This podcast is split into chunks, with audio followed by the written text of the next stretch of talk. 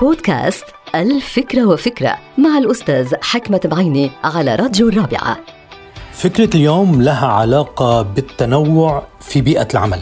كلنا بنعرف أنه التنوع في بيئة العمل هو وجود مجموعة متنوعة من الأفراد عندهم خلفيات مختلفة ثقافات وجنسيات وديانات وأعمار وإلى آخره من الخبرات والمهارات وحتى القدرات الذهنية والجسدية. فإذا التنوع هو مجموعة متنوعة من الموظفين في بيئة العمل.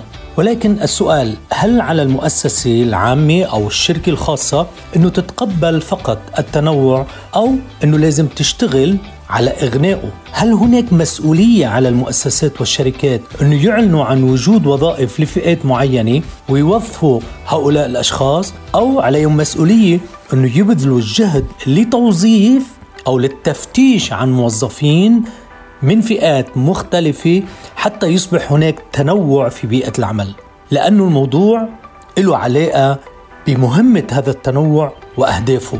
كلنا بنعرف أنه الجواب فعلا التنوع ضروري وصحي وأخلاقي وعلى المؤسسات أن تعمل بجدية على إغنائه لأنه التنوع في بيئة العمل بيمنح فرص للتعلم والنمو وتبادل الأفكار والخبرات والمعارف بين الموظفين.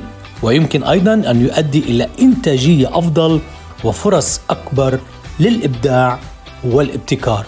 انتهت الفكرة هذه الحلقة مقتبسة من كتاب الفكرة وفكرة.